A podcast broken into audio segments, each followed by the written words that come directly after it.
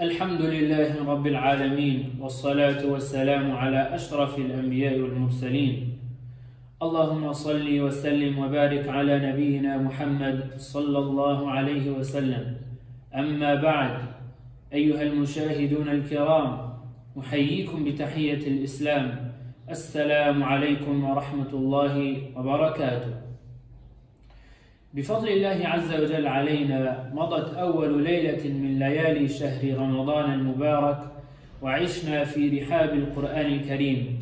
تعالوا نتدبر قول الله عز وجل بعد أعوذ بالله من الشيطان الرجيم. بسم الله الرحمن الرحيم.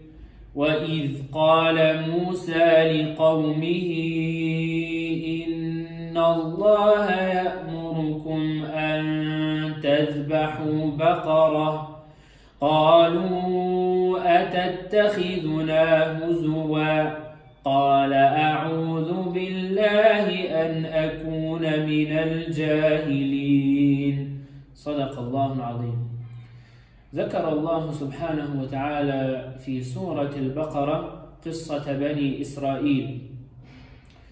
وبين لنا فيها سوء أدبهم مع الله ومدى عنادهم لنبيه موسى عليه السلام بكثرة السؤال والإلحاح في تقديم الأعذار لما أمرهم الله تعالى بأن يذبحوا بقرة.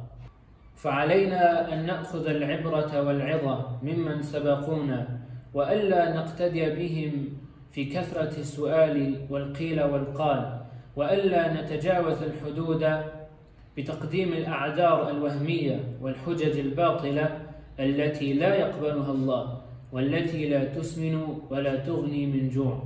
فلنقبل على الله بنفس راضية وقلوب خاشعة. قبل أن يفوت الأوان ويأتي وقت لا ينفع فيه الندم نسأل الله سبحانه وتعالى أن يعيننا على طاعته وأن يجعلنا من عباده السعداء الصالحين الفالحين المطمئنين في الآخرة.